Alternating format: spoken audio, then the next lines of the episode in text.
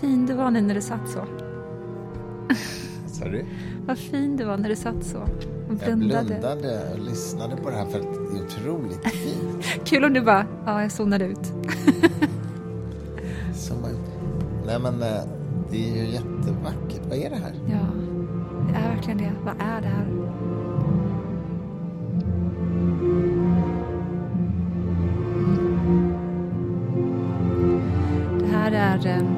Stycke som heter eh, The Isle of the Dead.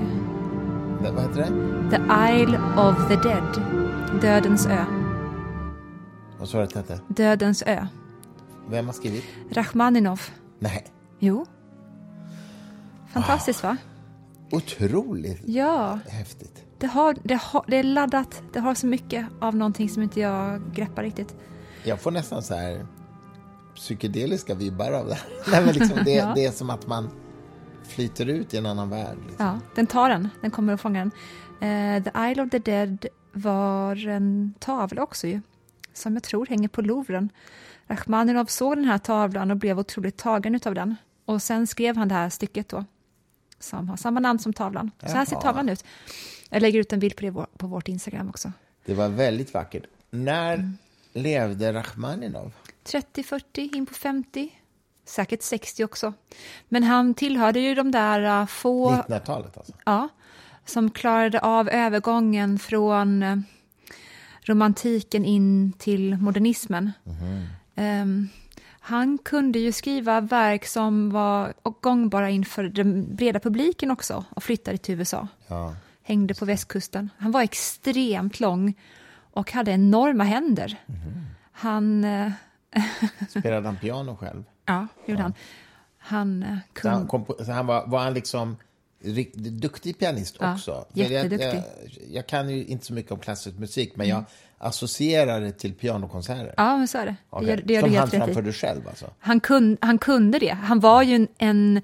Jag sa det här till Henrik Måwe som var hemma hos oss här, häromdagen, som Mm, är är konsertpianist. Just det, han är konsertpianist. Och då sa jag till honom, brukar man inte säga så att Rachmaninov bla- var bland de få kompositörer som kunde spela sina verk själv och göra dem rättvisa? Ja. Och då sa ju han såklart att ja, men Chopin kunde göra det också. Just det, just det, det pratade vi om. Ja. Ja, det finns ju, men det är många För att göra kompositörer. honom rättvisa ska jag bara säga att han heter Henrik Teodorescu Måwe, för han är ju gift med Alice Teodorescu Måwe. Varför har de dubbelnamn och inte vi? Ja.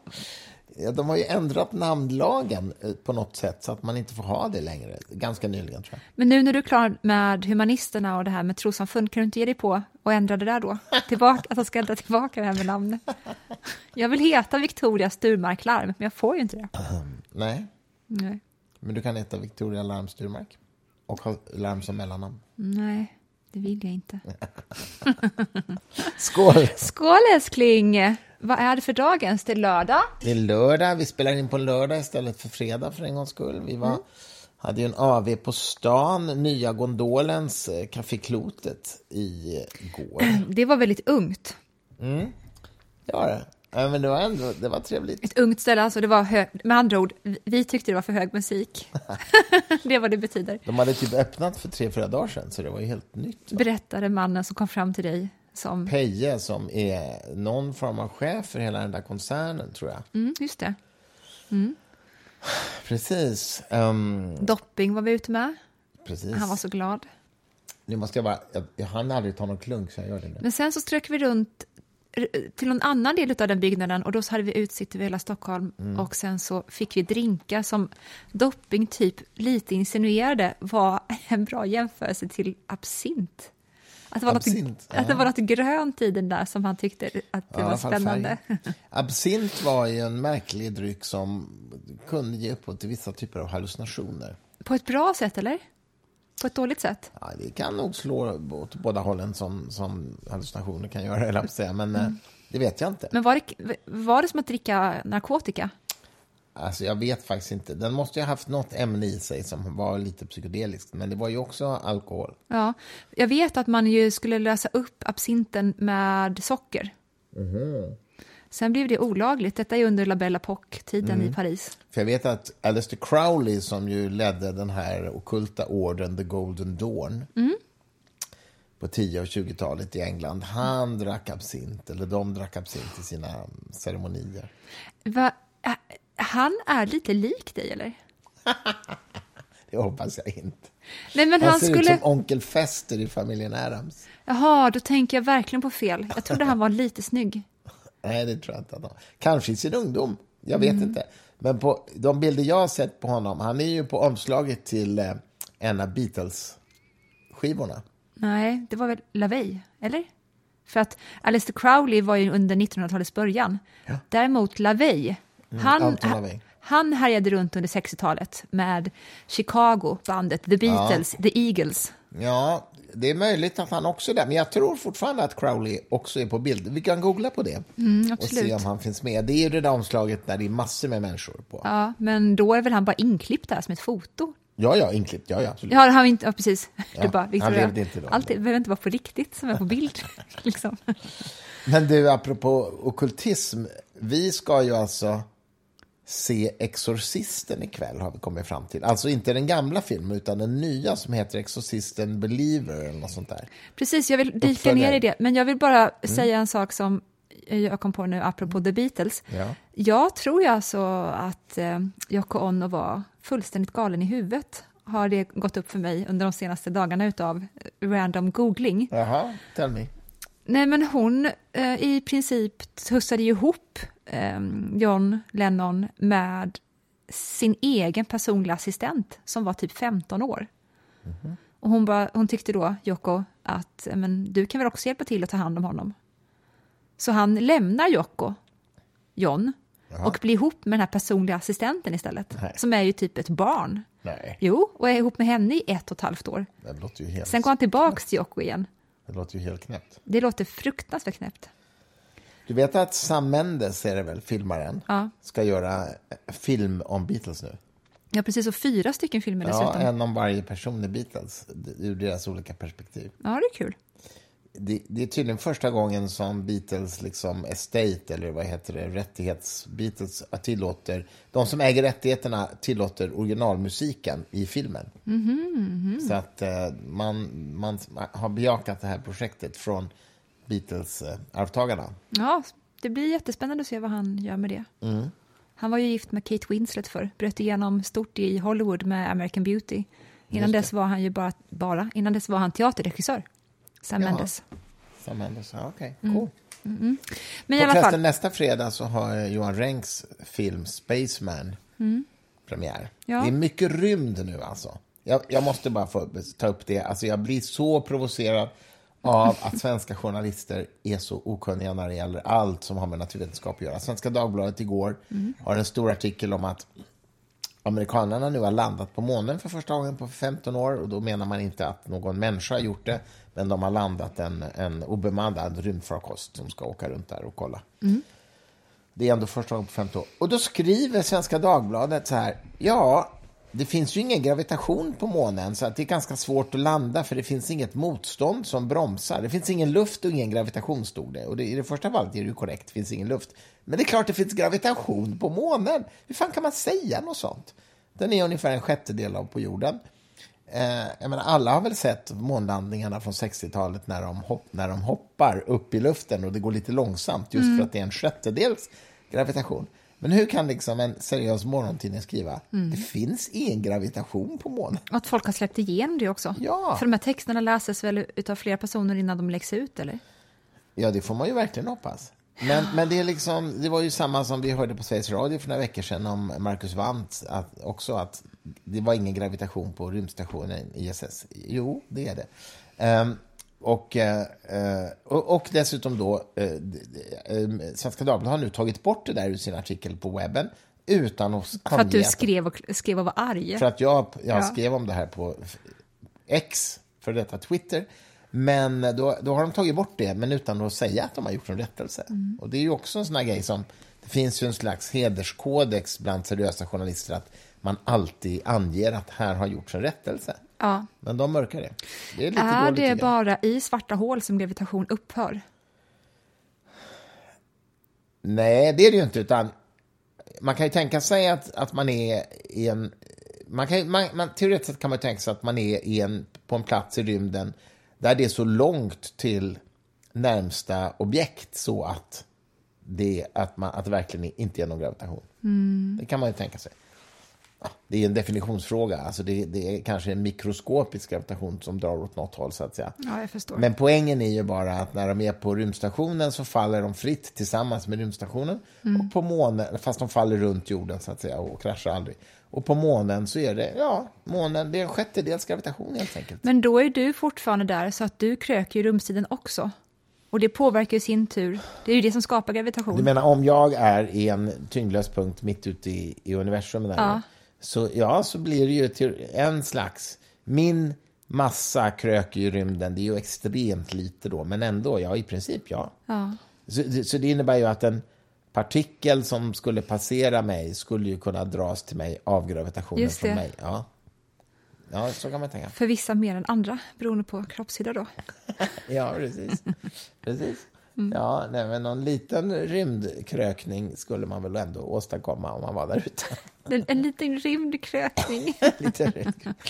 Har du sett vad eh, de har gjort eh, Stellan Skarsgård fläskig i nya Dune? Nej, vi ska ju gå och se Dune snart. Ja. Nya Dune. Nej, jag har inte sett, jag har inte sett några klipp. Det är så coolt att han är så tjock, i den. Ja, det var ju roligt. Ja, ja. I alla fall, vi ska se... Hej välkomna förresten till Den gyllene grenen med Christer Sturmark och Victoria Larm. Just. Ehm, vi fortsätter väl prata lite grann om Exorcisten, eller vi tar upp den tråden igen. Ja, för att vi, vi är intresserade av det här på lite olika sätt. Nej, men vi ska ju se den här nya filmen som inte är en nyinspelning, men det är en ny. Den är ändå på något sätt en fortsättning. Vi har ju aldrig velat kolla på skräckfilmer, du och jag. Och sen så träffades vi. Och sen så började vi kolla på Och när jag, skräckfilmer. var, när jag var barn gillade jag skräckfilmer, men Okej. inte som vuxen. Nej. Och nu är det sån där sak att vi tittar på det här fast vi inte vill. Mm. Och sen så blir det något mys i att vi är rädda ihop. Ja. Och det gillar vi, eller hur? Det gillar vi. Och det jag vet om den här nya filmen är ju att den använder samma filmmelodi som originalfilmen. Och det är ju Mike Oldfields eh, Tubular Bells. Mike Oldfield är ju en multi-instrumentalist som gjorde en platta som heter Tubular Bells som märkligt nog blev en enorm hit, trots att det inte är någon hitplatta överhuvudtaget, för det är instrumentalt. Men den musiken är ju filmmusiken till Exorcisten i alla fall. Är det inte ascoolt att, nya, att de castade stä- stä- Max von Sydow Ja. i 70-talsvarianten? Max von Sydow, ja. Ja, är inte det den roligaste castningen? Eller hur? Ja, just det. Och att han åkte till Hollywood i samband med Utvandrarna och var ju teaterskådis på Broadway ett tag. Du menar med inspelningen av Utvandrarna från 70-talet? Eller Ja. 60 eller 70-talet? Ja. Ja, ja. Och jag minns när Per-Olof Enquist, jag minns, jag var ju inte född då, men jag minns att Per-Olof Enquist, han försökte slå igenom i USA som pjäsförfattare. Jaha. Och i en av uppsättningarna då som han hade skrivit, där spelade Max von Sydow huvudrollen. Och det var en jättestor och påkostad produktion. Och han spelade mot, var det Liv Ullman också, absurt nog, apropå Utvandrarna? Någon annan kvinnlig stor högdjur var det också. Och eh, Per-Olof beskriver så starkt i boken Ett annat liv om hur det går till när en premiär går av stapeln av det slaget. Och det är så att man går och kollar på föreställningen, på premiären, öppningen. Sen går man omedelbart till en restaurang som är en kultrestaurang som alla stora skådisar och manusförfattare alltid sitter på. Och där sitter man och dricker kopiöst mycket för man mår så dåligt. Därför att vid halv tolv på kvällen, då kommer eh, de som är anställda på restaurangen in med alla tidningar på silverbrickor. Herregud. Och där står recensionen. Ja. Och de skrivs alltså så jäkla fort. ja. Wow. Och eh, då, så att detta var ju när han fortfarande drack, Per-Olof Enquist. Han blev ju nykter sen, tack och lov. Men då kommer ju de här första recensionerna och hur producenten, som är en kvinna om inte jag minns fel, bara tittar på Max och säger It's bad Max. It's really bad. Och där vet man att min karriär är över nu här. Nej. Nu är det över i USA. att folk, alltså alla de, jag skulle ha jättestor behållning av att få läsa en bok där folk beskriver om vilken enorm press de har satt, utsatts för. Jag tycker det är så spännande att höra det. Hur de har klarat det. Och hur de liksom plockade ihop sig själva efteråt, beroende på om det gick bra eller dåligt. För att man kan ju sprängas lika mycket av att det går bra för en också. Men just de där timmarna då pressen är enorm på en, man vet inte vilken utgång som väntar heller. Jag tycker det är väldigt speciella själsliga psykiska tillstånd. Ja. Har du något sånt tillstånd som du vet om då det varit en enorm press? Nej, för att jag har ju inte gjort sådana saker som... Men inom näringslivet kanske? Att du inte vet hur det ska gå nu? Nej, men det närmaste jag kan komma väl är väl att eh, när, när jag på 90-talet, mitt bolag skulle börsnoteras, och då är det ju väldigt intressant att se Kommer det stiga mycket eller kommer det sjunka mycket? För man noterar ju på en viss kursnivå. Ja. Och hur går det, how does it go from there? Det var ju, det var, det var ju läskigt. Älskling. Men annars gör ju inte jag sådana saker som att man jobbar i månader med en produktion som sen visas upp för en publik ja. för första gången. Jag har ju inte gjort det. Liksom. Nej. Att inte flera människor har blivit jättealkoholiserade eller psykiskt sjuka ja. alltså. Ja. Speciellt, speciellt i teater och filmbranschen, klart, eller konserter och sådär, så blir det ju att en anspänning och sen går man och tar ett glas efteråt. Det är därför det är så lätt att trilla dit, tror jag. Mm. För att det är ett sätt att liksom vad heter det, trippa av, eller vad heter det? Liksom, mm, tända av. Man har levererat, tända av, precis, mm. från att ha levererat på en scen. Mm. Jo, men det är klart, jag har ju varit förstås med om att vänta på en recension på min bok och så här, kommer det bli bra eller dåligt? Det har jag i och för sig upplevt, men det, det kanske är väl det närmaste man kan jämföra. Ja. Men det, ja, jag tror inte att jag gått runt och liksom haft en eh, påtaglig oro. Så, inte så. Nej, det tror jag faktiskt inte. Nej, eller att mycket av livet står och faller på Nej. hur det här ut... Men det är också ofta en illusion, tycker jag. När man är i en, ett sånt pressat läge, då är det lätt att eh, rösten i huvudet säger till en att allt står och faller på att det här går bra nu. Ja. Det är ju inte så, alltid. Och jag menar, eh, Per-Olof Enquist upplevde säkert att hans karriär på Broadway var över. Mm. Men hade han inte blivit så himla alkoholiserad sen, då hade han kanske tre, fyra år senare pallat att ta nya tag igen. Mm. Och eh, mm. det är ju sällan så att man bara får en enda chans, man tror ju det.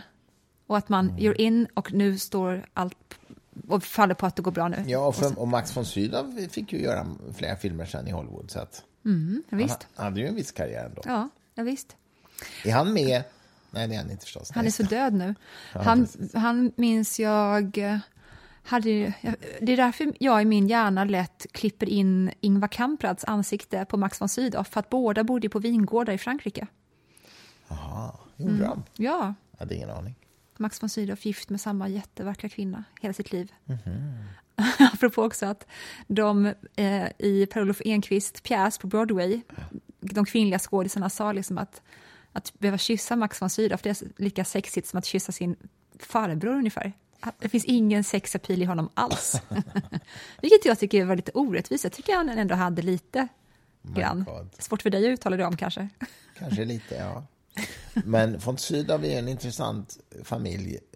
Tullia von Sydow som gick bort för ett par år sedan. Alltså de här överklassnamnen är så roliga. Ja. Tullia, funkar Nej, bara hon, där. Hon blev typ 103 år eller något sånt där. Hon blev jättegammal. Uh -huh. Hon, hon satt i Humanisternas styrelse när jag kom in i styrelsen. Eh, och hon var också riksdagsledamot, tror jag. Ja, okay.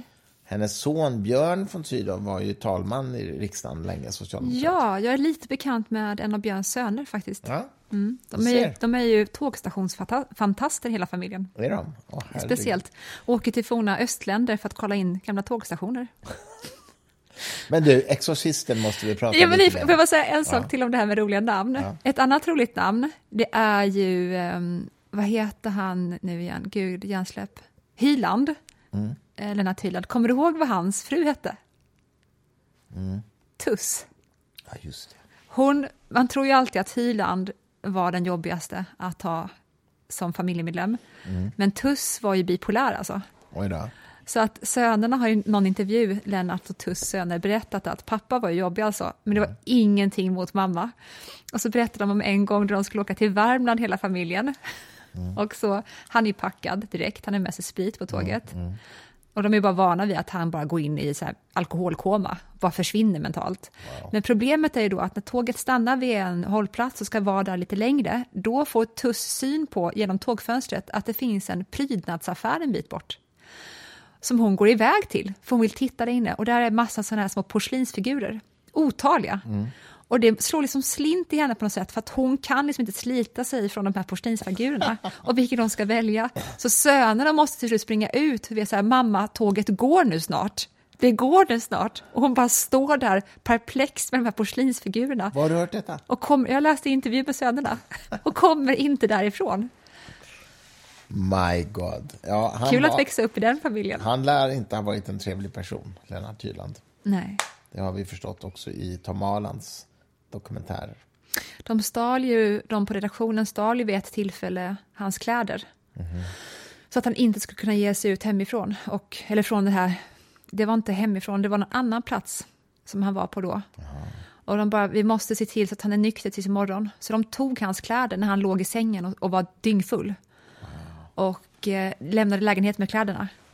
Tills det då liksom ringer att han har sett springa naken över torget mot Systembolaget. Nej. Jo, dagen på. Då är man alkoholiserad, om inte ens det kan Du, stoppa för att tala om något helt annat. Jag Ja. har ju nu äntligen fått tag på DVD-set med fyra skivor med Brightside Revisited. Ja. Förstår du att vi ska titta på detta? Det är ju så kul. Det här är dessutom en 30-årsjubileums anniversary remastered edition, så det är bättre bild än i originalet. Gud. Med Jeremy Irons, med Anthony Andrews, med eh, ja, allt vad de hette. Det är ju också, eh, vad heter han då?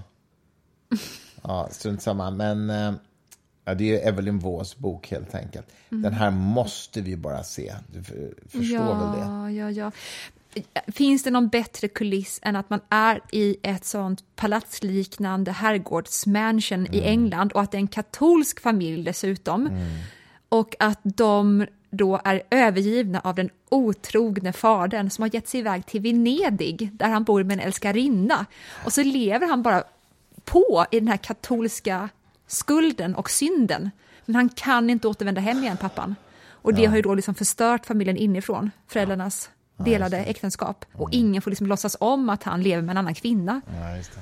Ja, de har ett kapell minns jag också. Ett eget. Vi måste se den snart. Alltså. Ja. Den skådis som jag sökte namnet på och inte kom på är ju förstås Rupert Everett som ju, eh, Alltså, tror jag, typ debuterade. Ja. Alltså förlåt älskling, men han är så snygg. Ja.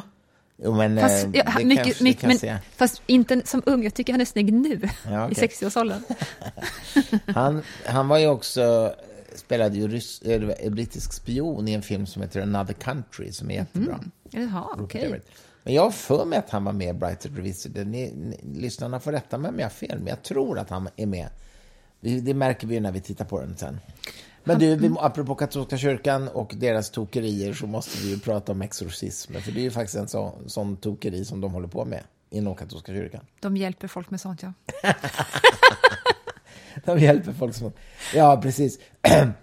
Jag tycker det är så kul att ex... ja, Vatikanen har ju liksom en avdelning för exorcism helt enkelt. Men vad jag tycker är så himla kul är att jag lovar dig att 99 procent av svenska folket vet i, har helt missuppfattat vad ett barndop är för någonting. För det första så tror de att det är namngivningsceremoni, vilket ju inte är. Dumma svennar, Barn, barndop har ingenting med namn att göra på barnen. Eh, och eh, det är till och med så att man kan se i vissa svenska filmer, eh, gamla svenska filmer liksom, där en präst gör ett dop så kan det ibland låta att prästen säger att härmed döper jag dig till det här och det här. Det säger ju inte en präst i en dopceremoni. Utan, nu kan inte jag liturgin perfekt ska jag erkänna, men en präst inom Svenska kyrkan säger ju i Guds faders, sonens, den helige andens namn döper jag dig. Eller man säger först namnet på barnet, eh, eh, Eleonora, eh, i Guds faders så döper jag dig, bla bla. Så att det är ju inte namngivning. Varför tror då folk att dopet är namngivning? Jo, det är för att eh, förr i tiden så hade kyrkan i uppgift att också föra in barnet i folkbokföringen. Eh, i- och det gjorde man i samband med dopet. Ja. Och då skrev man ju in namnet, så föräldrarna måste ju så att säga bestämt sig för vad barnet ska heta innan det hamnar i folkbokföringen. Eh, men det har inget med dopet att göra. Nej, Och det är det ena. Det andra är ju att väldigt få svenskar vet att dopet egentligen är en exorcism. För det är ju det det är. det är ju att man skyddar barnet från mörka krafter. Man tar, Nej, upptar man tror barnet... det har med synden att göra. Jo, jag vet, men man tar Att man upp... gör någon fri från synd. Ja, just det. Men man, den, den dansk, det, här har jag läst någonstans att den danska dopceremonin fram till början av 1900-talet innehöll formuleringen “flyg ut fule djävul”. Um, Typiskt danskar. Uh, ja, det kan mycket väl ha varit så i Sverige också, men jag är som sagt ingen expert. Uh, det finns, en, det finns en, ett moment i dopet av att ta upp barnet i Kristi församling, eller i Guds församling, eller hur man uttrycker det, och skydda det från mörka krafter. Ja, det är om det skulle, om det skulle dö. Ja, om, men, du inte, om du dör odöpt, det är inget bra. Då Ja, hamnar du det. ju i skärselden. ja, ja, ja. Men den stora frågan, en av de stora frågorna inom katolska kyrkan är ju varför döpte Johannes döparen, Mm. klart han heter det då, Jesus. Eftersom Jesus, För det var är, hans jobb, det framgår av namnet. han kanske bara var så här manisk. Han bara så här tvångsdöpte folk till höger och vänster Ja. och fattar liksom inte att Jesus är ju fri från synd. För det är ju det som katolska kyrkan, protestantiska också, Mm. I suppose, lär ut. Att den enda som är fri från synd är Jesus. Mm. Och då är den stora frågan, men varför blev han döpt då? Ja, men jag har svaret. Vadå? För att de hade fel även på den punkten. Att han var fri från synd. Nej, jag skojar bara. Jag tramsar bara. Men, men ja, nej, jag har inget bra teologiskt svar på den frågan. Det har jag ju faktiskt inte. Men eh, ic- icke desto mindre så är det ju lite kul, eller kul, det är ganska fascinerande att exorcism faktiskt praktiseras fortfarande i, idag. Absolut. Och jag har ju skrivit om tidigare att jag är faktiskt ganska upprörd över när sån här kommersiell tv gör underhållning av idéer om hemsökta hus och andar och sånt där. När man faktiskt samtidigt vet att det runt om i världen finns föreställningar om att människor blir besatta. Och eh, det finns till och med svenska rättsfall med familjer som visserligen då har kommit från Afrika som har misshandlat sina barn i exorcismprocesser eh, och försökt driva ut onda andar och sådär. Så alltså det, detta är så att säga en psykologisk realitet för ett antal människor på vår planet och samtidigt gör tv underhållningsprogram som bygger på samma vidskepelse. Det tycker jag är stötande. Ja, men det är det. Det, ja, det, det är stötande faktiskt. För det är också att de då legitimerar den eh, synen på verkligheten. Ja, som, Den vidskepelsen legitimeras ju gen- gen- genom det, så att säga.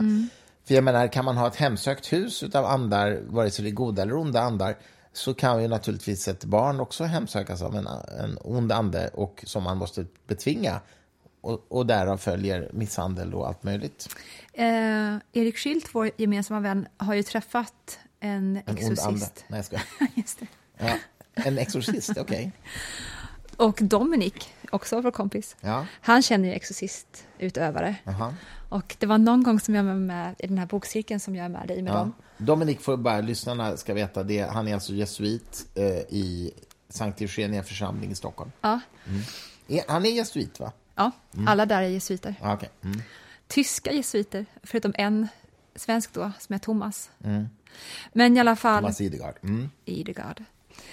Eh, när eh, jag pratade med Erik och Dominik om deras möte med den här exorcisten, då berättade de för mig, tyvärr så gick de inte in på några konkreta historier, men de sa ju då att de historierna som den personen berättade och vad han har varit med om är de sjukaste historierna.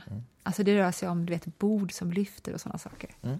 Så brukar det vara med historier som får vingar och, och eh, friseras och, och saltas så att de ska låta spännande. Ja, ja. Men jag kan också verkligen tänka mig, och jag vet att du, det här är ju en sån självklar sak att säga på ett sätt, men om du kommer hem till någon där någon har mått intensivt dåligt väldigt länge och hela familjen är genomsyrad utav den här paniken och skräcken inför att de inte känner igen den personen som de lever med. Och man är hela tiden beredd på att vad som helst kan hända. Man är alltså försatt i ett skräckläge som ett överlevnadsläge nästan i det.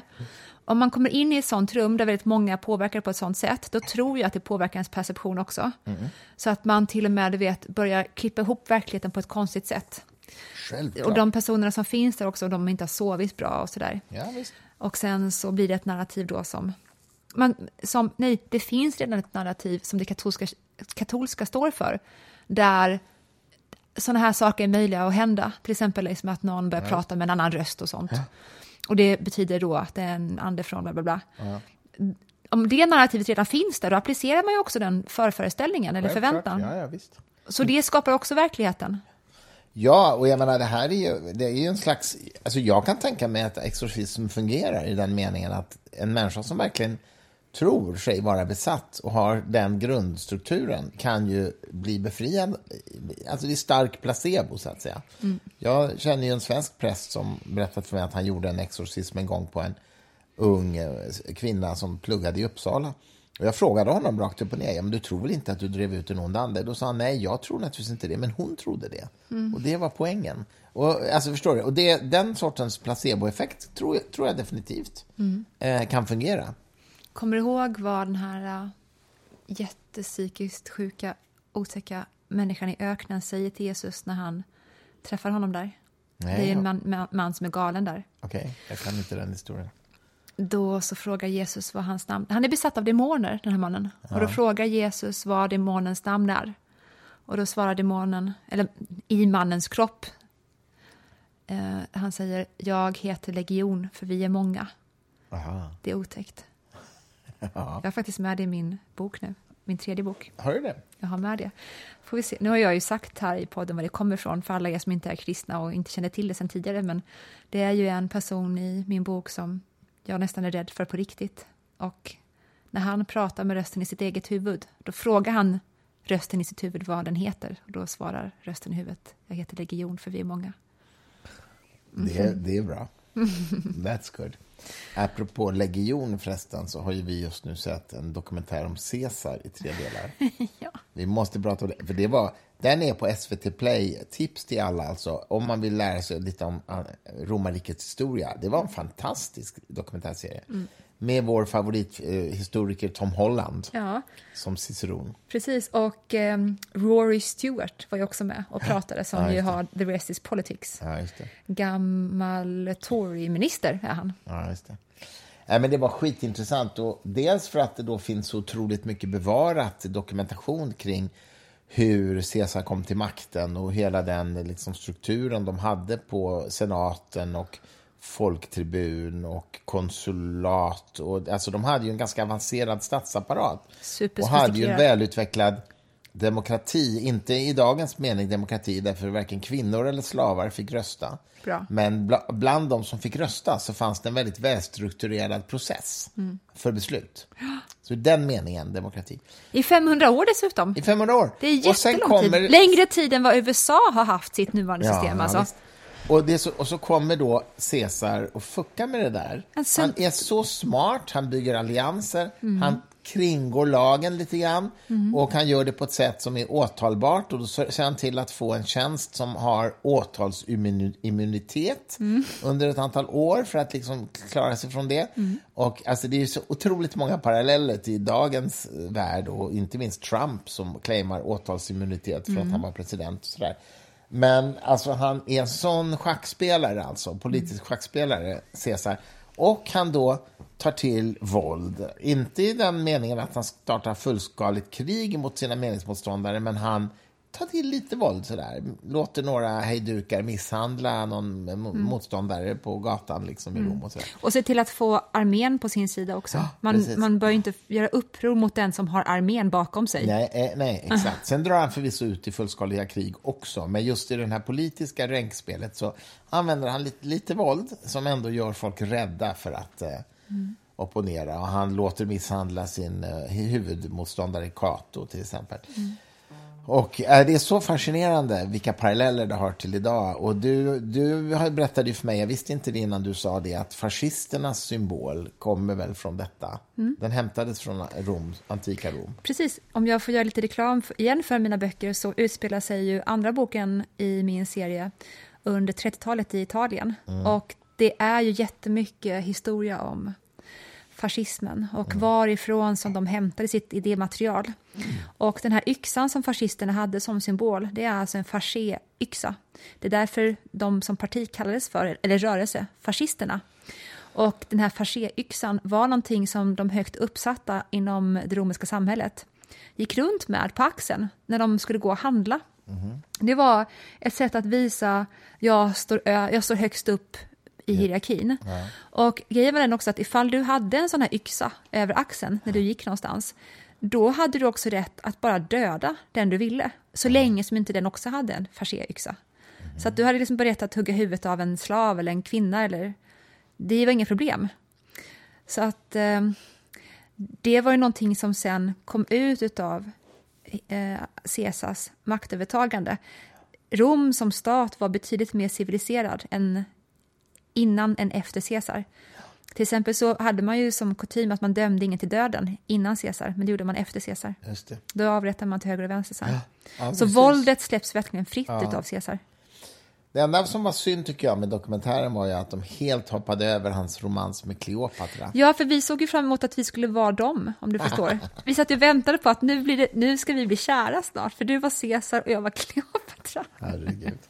Och att hon Oj, var oj, oj, oj. lite Mm. yngre och bodde i Egypten. Och hon var ju ute, hon hade ju politiska problem själv. Hon var ju ute i öknen med sin här. Hon hade en armé. Därför att hon var i komplicerade maktstrider mot prästerskapet och aristokratin och sådär. Och hon var, det var inte alls säkert att, att hon skulle kunna fortsätta eller bli, vad kallas det för när man är eh, kvinnlig farao?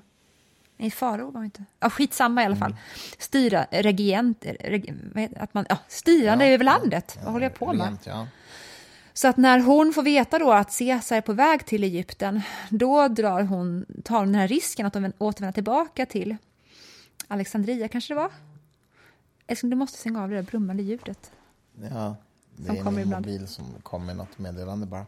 Ja, Och när Caesar då är i den här staden, då smugglas hon in. Och den, the story goes då att hon vet om att han älskar kvinnor jättemycket. Så att de bär in henne i en tvättkorg till Caesars rum. Så när han ska lägga sig för natten, då så här reser hon sig upp i den här tvätt, lyfter på Nej, locket och reser sig upp och är, jät, och är jättenaken. Kleopatra. Mhm. Herregud. De får ju ett barn. Ja. Vad blir det av det då sen? Mm, minns inte. Hon får ett barn sen med också, inte Marcus Aurelius, Marcus Antonius kanske? Får hon det? Ja, så hon, hon får barn med två kejsare för att när han är fakt sen ska få barn med nästa kejsare. Ja, han blir ju mördad, Caesar. Precis. Även du, min Brutus, säger Mm. han. Till Brutus, som var som en son för honom. Men som Kanske också, också var hans son. Kanske var hans son, ja, precis. Jag tycker det är intressant att Caesar hade sagt jag har aldrig träffat en kvinna som jag inte känt attraktion för. Det är ju speciellt. Ja, Väldigt speciellt. det är väldigt speciellt. Du, eh, nu tycker jag att vi ska avrunda för att eh, vi ska eh, äta lite räkor och se Exorcisten. Inte samtidigt, va? Nej, kanske inte. Vi ska se vidare också på föreläsningen, Brian Greens föreläsning om speciella relativitetsteorin. För den har vi inte sett klart. Ha en jättehärlig söndag. Ha en härlig söndag. Snart är det vår. Så ses vi igen och hörs igen om en vecka.